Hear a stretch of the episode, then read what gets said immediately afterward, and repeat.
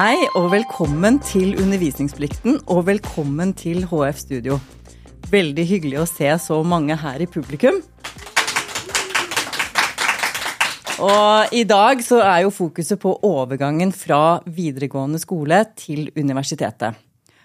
Og vi som er voksne, vi husker veldig godt denne overgangen.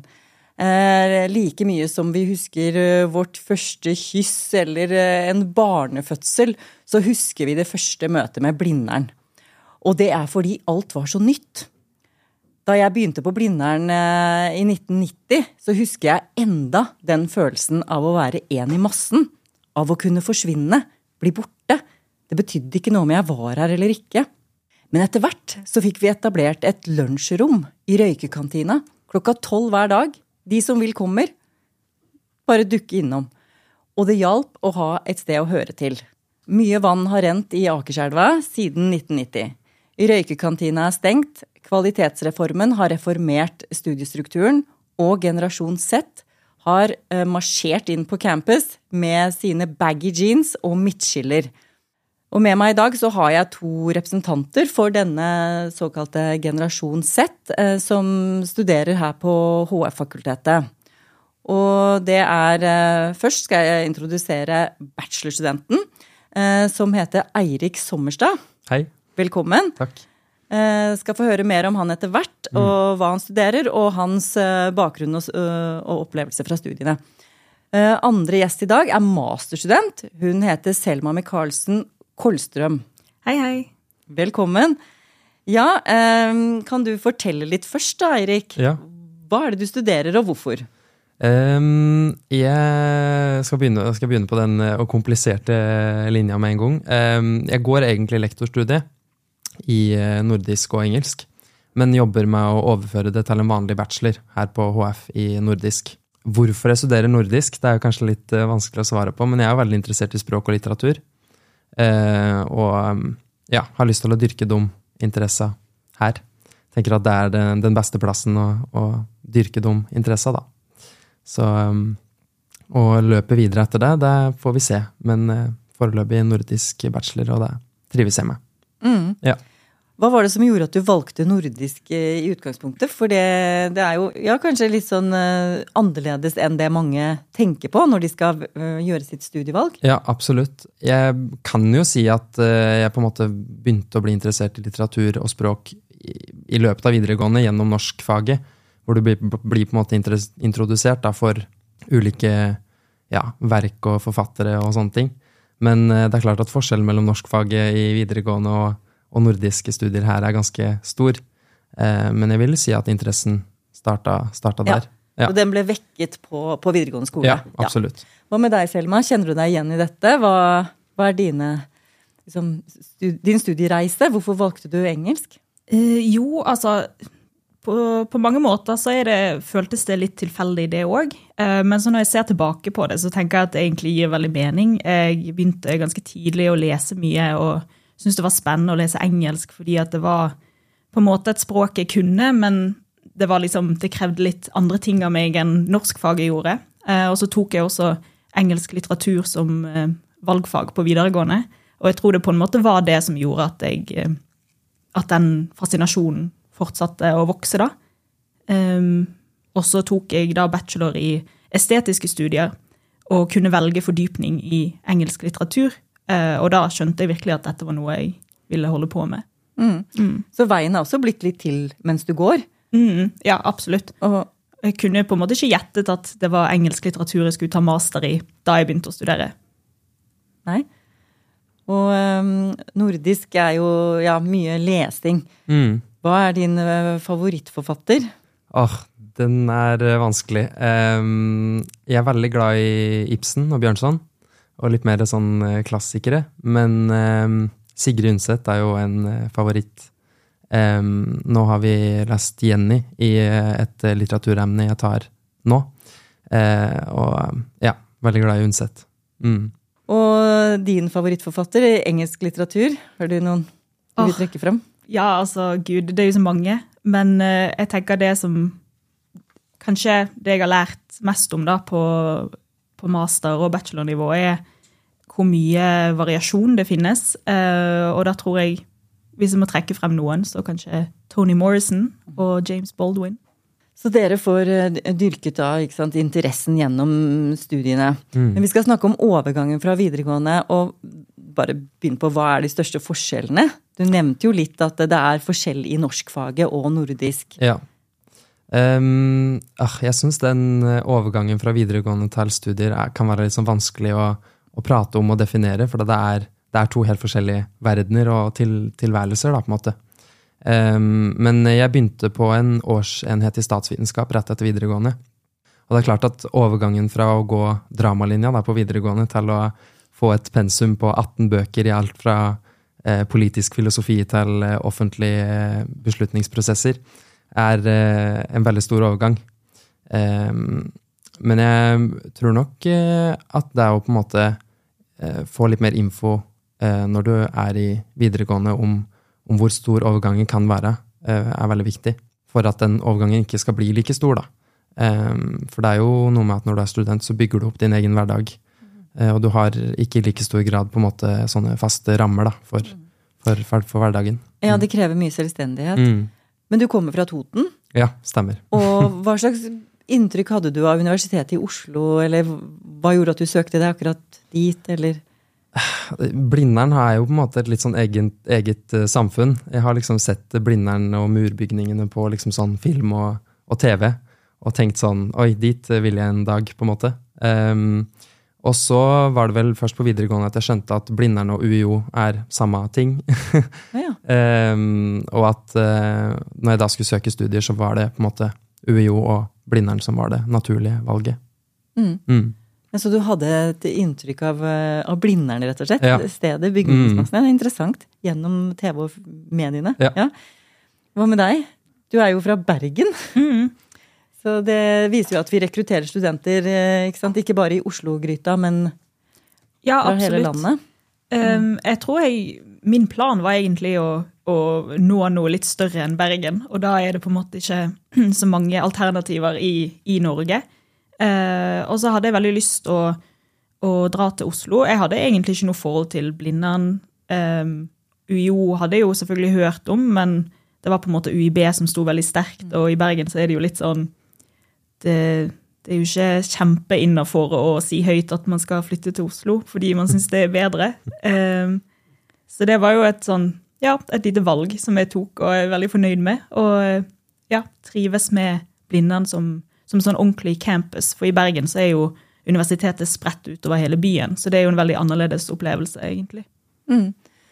Absolutt uh, annerledes. Men uh, dere snakker om videregående som, som, en annen verden. Eller det var Eirik som mm. nevnte det. Kjenner du deg igjen i det at det er en annen verden? Og hvilke liksom, ja, forberedelser ble gjort på videregående for uh, høyere utdanning? Var det noe spesifikt du vil trekke fram?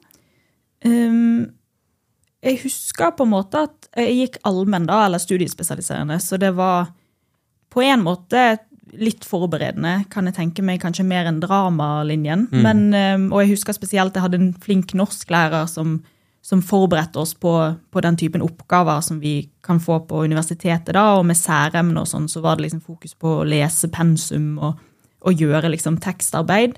Um, men generelt så blir du jo ikke forberedt på hvor mye selvdisiplin som kreves som student. At du, du, ikke bare har frihet, men at den friheten også må brukes til at du skal komme deg gjennom et pensum og gjøre det du skal gjøre. Og at eh, det er selvfølgelig befriende å bestemme over sin egen tid, men at det også kommer med ganske mye ansvar da. Mm. Ja, den selvstendigheten, den eh, kommer til en pris. Altså, man må ha selvdisiplin. Mm. Eh, hvor vanskelig er det egentlig? Altså, kunne dere tenke dere at vi hadde mer obligatorisk undervisning her, eller liker dere friheten? Den er eh, vanskelig. Det er jo alltid deilig med frihet. og det er jo dager hvor det er digg å stå opp klokka ti og, og tenke at ok, men nå dropper jeg forelesning, for jeg har en litt, litt dårlig dag. Men um, det er jo veldig faste rammer på videregående. Du møter opp til et tidspunkt og drar på et tidspunkt. Mm. Uh, og du får all informasjon veldig klart og tydelig fra lærer. Mm. Um, mens her er det jo mer sånn at du må oppsøke informasjon og, å være ansvar for, for egen læring, da, som, som, du sier. Og da, da tenker jeg at eh, frihet kan på en måte koste noe i det store og det hele. Men ja. Mm, ja, jeg, altså, jeg, tenker egentlig at jeg trives veldig godt med den, med den friheten. Og jeg, jeg kan huske òg på videregående at jeg kunne bli frustrert. At, det var, at jeg hadde en innlevering i et fag, og så var det plutselig matte eller eh, et eller annet annet fag som jeg måtte ha en time i når jeg liksom dyrebart trengte den tiden til å skrive en annen oppgave. Eh, mens på universitetet så kan jeg jo legge opp sånn som er mest effektivt for meg, og når jeg føler at jeg lærer best, og du er ikke låst til de faste rammene. Og du kan lære litt mer om deg selv og hvordan du jobber best, og hva som er mest effektivt for deg. da. Mm. Mm. Er det noe dere syns var skummelt her på universitetet? Ah, jeg husker fortsatt den første dagen jeg troppa opp, gikk av trikken her borte på trikkestoppet og troppa opp på Eilertsunds hus og skulle ha introduksjonsforelesning med den kjente statsviteren Raino Malnes. Det var eh, skummelt. Og jeg husker den introduksjonsforelesninga fortsatt, eh, og, og Raino var veldig klar på at nå er det ikke studenter, ikke elever. Eh, dette er et universitet, det er ikke en skole. Vi er professorer, ikke lærere.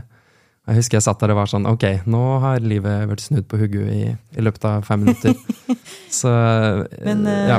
Litt, litt, skummelt var det. Men um, det er jo klart at hvis du blir godt nok forberedt på videregående, så kan det hende at ikke, den overgangen blir like stor, da. Mm. Men uh, jeg sitter og lurer på da, fungerer det, det han sa? Kaller du det student, eller kaller du deg elev?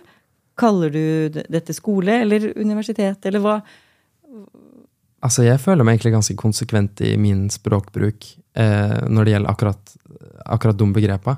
Eh, jeg har venner som sier at de skal jobbe med skole når de skal på lesesalen og, og lese, men jeg sjøl velger aktivt å bruke student og, og professor istedenfor eh, elev og lærer, f.eks. Der, der tror jeg handler om at det er en forskjell i identitet på en måte fra videregående til studielivet.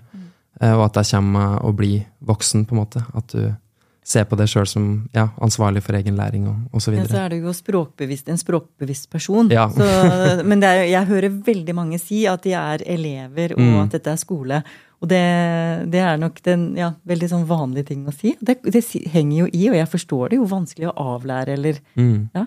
Hva med deg? Ja, men jeg tror da jeg begynte, så var jeg litt opptatt av å si at jeg var student. At jeg ville at det skulle være et skille. og at eh, ja, jeg vet ikke, sånn, Når mine professorer også påpekte at nå er du på universitetet og du er student, og jeg er professoren din, så tenkte jeg at det var litt sånn, at jeg følte at det ble litt tatt på alvor, rett og slett. at eh, Sånn som man sier at uh, å være student er fulltidsjobb, så var jeg sånn ja, ok, hvis det er på en måte yrkestittelen min, da, mm. så må jeg liksom respektere det og, og, og, følge de rammene, da. Ja, vi ønsker jo det at det skal være fulltidsjobb, men så sier jo statistikk og veldig mye eh, Jeg vet ikke om dere leser disse diskusjonene i mediene om er heltidsstudenten liksom fallitt ikke sant? Er den borte? Mm. Er det et ideal som ikke lenger eksisterer? Fordi at mm. studenter må jobbe såpass mye. Er det noe at det, at det, er i realiteten mange som er deltidsstudenter? Ja, det tror jeg. Um, og i hvert fall nå, i, i, tidens ånd, hvor uh, priser stiger og, og, det blir dyrt å være student, så tror jeg nok mange er deltidsstudenter, og, og at kanskje jobb tar såpass mye tid at, uh, at det spiser av studie, det som egentlig skulle vært studietid. da. Eh, så jeg tror nok det er færre som vil kalle seg sjøl for heltidsstudenter nå enn for ja, ti år siden, kanskje. Mm. Mm. mm. Men Det høres ut som dere begge to er opptatt av identitet som student. ikke sant? Og ja. Dere, ja, Det er jo en grunn til at dere er valgt ut i denne podkasten også. At dere er kanskje mer enn gjennomsnittet liksom reflekterte over rolla og sånn. Mm. Men, eh, så det er veldig, veldig fint å, å ha det, dere her. Det med, men det med skummelt, så tenkte jeg også på om det er noe noen ting som var vanskelig å forstå, liksom sånn ord og begreper som brukes her på universitetet, som ikke brukes i videregående, eller noe dere ikke forsto med en gang, eller?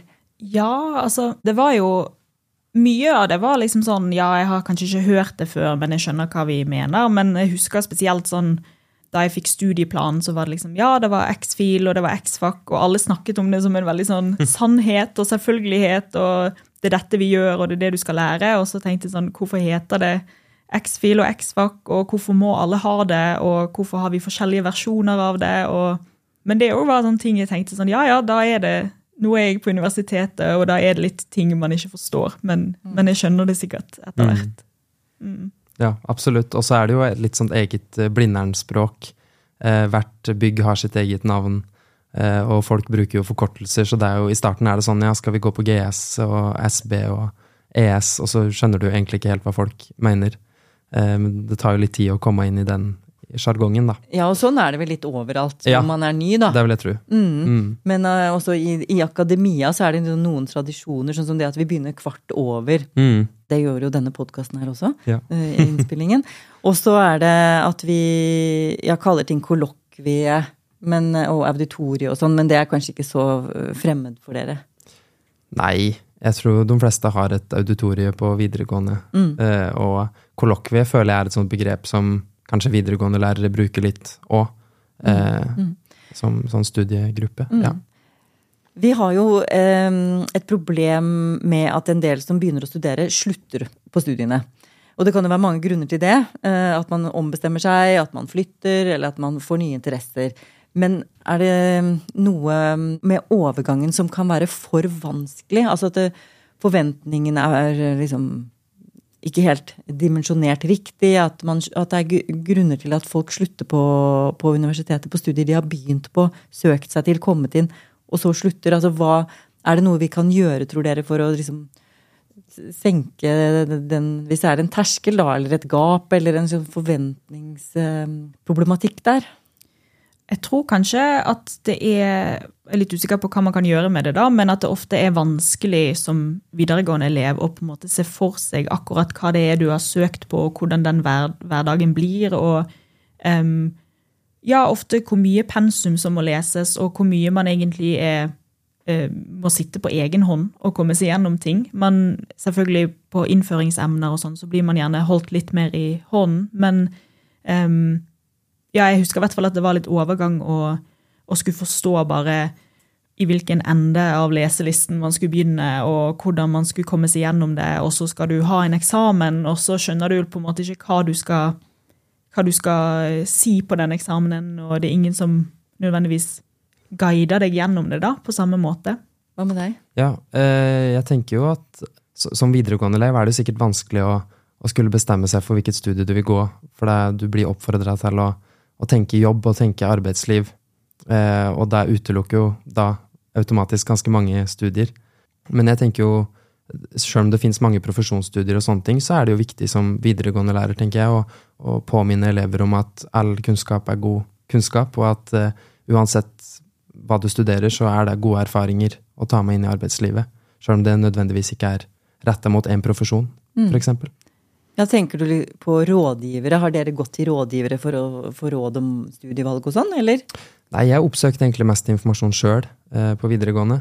Um, mm. Jeg vet ikke med deg? Ja, samme her. Jeg husker at uh, rådgivere ja, Vi hadde en del rådgivere, men de kunne mest gi råd om ting på en måte innad på videregående. Mm. Så det òg kan jo være en ting at man, um, som kan hjelpe. da. At rådgivere har litt mer sånn innblikk i hva ulike fag på universitetet egentlig vil si. da. Mm. Um, ja. Mm. ja, for det som kjennetegner en del av eh, fagene på vårt fakultet, er jo at det ikke er profesjonsstudier. At du ikke blir politi eller brannmann eller mm. sykepleier. eh, eller prest eller lege. ikke sant? Men du, du, må på en måte forme din egen vei. Jo, vi har jo lektorprogrammet, og der, det er jo veldig populært fordi at det er en, en jobb i andre enden og et, et veldig ja, arbeidslivsrelevant um, løp. Mens veldig mange av de liksom, eh, andre fagene vi har, som eh, går med, kanskje litt mer på interesser. Mm. Eh, men tror dere at det er mange som kvier seg for å studere ting når man ikke helt vet hva man skal bli? Eller? Ja, det tror jeg. Jeg tror mm. nok mange begrenses av logisk tenkning, og at arbeidslivet er et veldig sånn viktig mål, og at det går utover studievalg. Det tror jeg. Mm, det tror jeg òg. Og så tror jeg òg at det er da vanskeligere at man kanskje føler at man må rettferdiggjøre det litt mer, at man må forsvare hvorfor man velger å studere det man gjør, og at det føles som man må ha en sånn voldsom egeninteresse for at det skal være verdt det. da. Så det tror jeg òg absolutt spiller inn på det. Og jeg husker Da jeg valgte å begynne å studere på HF, så var det liksom noen som var litt sånn ja, men hva skal du bruke det til, og hva skal du med det, og hva skal du bli? Um, jeg tenker at Det er jo kanskje også litt tidlig å bestemme seg for når man er 18-19. Mm. Ja. Hva med deg? Er det mange som spør, eh, eller har spurt deg eh, hva du skal bruke til, hva du skal bli? og sånn? Ja, det er jo, når jeg sier at jeg studerer nordisk, så spør jo folk litt sånn ok, hva, hva, hva skal du bruke det til? Men eh, som sagt så tror jeg at all kunnskap er god kunnskap. Og, og sånn jeg ser det, så er jo fordelen med å gå et litt mer åpent studie at, at det fins mange muligheter i arbeidslivet, og at, eh, at, det går like mye på erfaringer og, og deg som person enn en hva du har studert, f.eks. Mm. Så det fins jo fordeler og ulemper ved alle studieretninger. Ja da, den, men noen, noen, trenger nok kanskje mer trygghet ikke sant? i mm. å vite at dette resulterer i en jobb, mens andre kan leve med den litt usikkerheten som dere har. Men det er jo, statistikken viser jo at man kommer i god jobb sånn etter en master i engelsk og, og nordisk, så det er, det er jo mange muligheter dere i de, de studiene dere har valgt. Men, man, men, det krever også litt mer selvstendighet i det å søke jobb og kanskje finne ut hva altså Det ligger ikke klart løp uh, hele veien. Så det er kanskje noe av det som appellerer til dere òg? Mm, absolutt. Mm. Ja, og man blir jo på en måte god til å finne ut av sin egen kompetanse og kunne beskrive den og kunne på en måte selge seg selv litt. da. Jeg tenker ofte at folk som går på HF, blir gode til å, til å liksom finne ut av hva de egentlig kan, og, og, prøve å formidle det til en arbeidsgiver. da. Og det er jo også en styrke som man kanskje kan snike seg litt unna på andre fakulteter, men som blir veldig sånn tydelig da, på HF. Mm. Altså du må eie det selv, eh, ja, og ja. ta imot den kritikken som eventuelt kommer, eller skeptiske kommentarer. Mm. mm. Men så man blir jo drilla i det å forsvare valget sitt, kanskje. Ja. Og, så, og, så, leve med det. Men, eh, men eh, hvis en ser tilbake på for du er jo nå masterstudent, så du har studert noen år. Men hvis du mm. ser tilbake på hvordan det var da du begynte helt ny student, hvis du skulle gitt noen råd til deg selv, det er jo sånn vanlig spørsmål, mm. hva ville du sagt til henne da? da? Ja, det er jo vanskelig. Det er jo eh, sånn som jeg alltid tenker at det er lett å være etterpå klok. Eh, men jeg tenker at virkelig at jeg burde ha uh, nytt det litt mer, og kanskje tenkt at uh, altså sånn, En bachelor er jo en veldig fin mulighet til å egentlig teste ut et fagfelt. Men jeg tror jeg følte at dette var veldig sånn å, nå har jeg valgt en retning, og nå er jeg litt låst. Og så har ikke jeg følt på det egentlig siden. Eh, men at, at studietilværelsen er, er, veldig fin, og at det tar litt tid å finne ut av. Og man kan ikke føle seg litt sånn overveldet av friheten i begynnelsen. Eh, men at hvis man liksom står litt i det, så vil man se tilbake på det og tenke på det som en veldig sånn fin tid tror jeg, uansett. Mm. Om man på en måte velger riktig på første forsøk eller ikke. Mm. Men du følte også at kanskje, eller du føler når du ser tilbake på det, at du tok det litt for alvorlig? Eller at du var litt for sånn innbitt 'nå har jeg bestemt dette'? og... Ja, kanskje. Jeg vet ikke om det var jeg som følte at eh, jeg var låst, eller at det var mer sånn fordi at det er jo ofte mye fokus på sånn hva man skal bli, så tenkte jeg sånn ok, da har jeg begrenset med tid til å finne ut av det. Sånn at da, hvis jeg velger feil, så har jeg plutselig mye dårligere tid. Sånn at jeg tror jeg tenkte at valget var veldig mye viktigere der og da enn det kanskje, kanskje var. Mm. Eller, ja. Mm. Ja, absolutt. Jeg tenker jo at uh, det du sier med tid, er veldig viktig. Det er å ta seg god tid og, og nyte å være student. For det er liksom en, en egen tid i livet som må nytes, føler jeg. Mm. Um, ja, absolutt. Er det noe dere savner fra videregående, da? Hva var det beste med videregående? Hva er det dere har mest nytte av nå som dere Fikk dere inn gode arbeidsvaner, eller dere snakket jo om noen inspirerende lærere, men er, og er det noen spesielle ting dere har med dere? Altså, jeg, Det er jo alltid deilig å ha litt sånn faste rammer, og et tidspunkt å møte opp og, og et tidspunkt å dra hjem. Og så tenker jeg at det å gå på videregående og på en måte er en sånn tid hvor du skal vokse og er i vekst, både faglig og sosialt og, og sånn, med tanke på hvem du er. Så eh, jeg savner litt den tida, eh, og kan se tilbake på den og tenke sånn at det var deilig. Men det er klart at voksenlivet og studentlivet er minst like bra. Ja, det, det er kanskje ikke så mye sånn jeg savner konkret, men, men sånn som du sa, at det er, det er en periode som også er veldig trygg, og du har de rammene, sånn at du har på en måte mulighet til å Da kan du virkelig teste ut ulike fag, og det, det, du har det du er flink på, og så har du det du ikke er like flink på, og det går helt fint. Og man har eh, de rammene rundt seg da, som liksom holder deg. Mm. Det er viktige ting som du husker fra videregående. Ja, og så sånn som vi snakket om med fulltidsstudenten, at Mm. det er jo et sånt ideal, men Mm. så blir det plutselig veldig mange andre ting, og du må jobbe, og Mm. du har nødvendigvis ikke det valget. Nei. Mens på videregående så har du jo, da er det virkelig fulltidsjobben din å være elev og gå på skolen og gjøre det du skal. Ja, Mm. da er du, ja, er du fortsatt litt sånn beskyttet av det at man er elev, da, og blir Mm. ivaretatt av et system. Mens Mm. det å være student er jo mer krevende og krever altså at man strukturerer sin egen dag. Men også, jeg tenker på det sosiale. Var det eh, vanskelig å få venner på universitetet? Du har jo fadderuke og faddergrupper, og så er det jo Kan du sikkert spørre seg hvor effektivt det er for den enkelte. Jeg tipper mange finner en god vennegruppe i fadderuka og har den ut studiet. Eh, og så tror jeg kanskje det er noen som sliter med å, å finne seg til rette og finne sine eh, folk. Um, men der tror jeg òg at, at universitetet kan være flinke til å på en måte legge til rette for at at sosiale relasjoner kan komme ut av faglige relasjoner, f.eks. At Mm. eh, de du studerer med, er et godt utgangspunkt for en, en vennegruppe, f.eks. Mm, absolutt. Jeg tror på videregående så er det lettere bare fordi at du har en klasse som er fast, og du har alle eh, fag med den gjengen. Mens på, på universitetet så, så har man folk man kanskje tar emner med, men du, du kjenner det ikke så godt, eller du rekker ikke å bli helt kjent. Um, men sånn som du sa innledningsvis, så syns jeg også det er noe fint med at man kan være litt anonym på universitetet, og Mm. folk gjør masse forskjellig, og du har noen du kjenner bitte litt, og noen som du ser rundt omkring, og så har du noen bedre, mer eh, nære venner. Eh, Men at det er på en måte ikke så farlig å spise lunsj alene, eller liksom gå rundt på campus. Det er liksom, alle gjør det, og, og det er så mange at det, det er ingen som ser på deg og tenker at der sitter hun, på en måte. Mm. Ja, Det var jo en veldig fin måte å si det på. Og tusen takk for at dere kom hit, eh, begge to. Eh, Jeg har eh, lært masse, og det håper jeg lytteren har også. Tusen takk til dere som møtte opp. Dette var da Undervisningsplikten. Vi høres igjen. Ha det godt.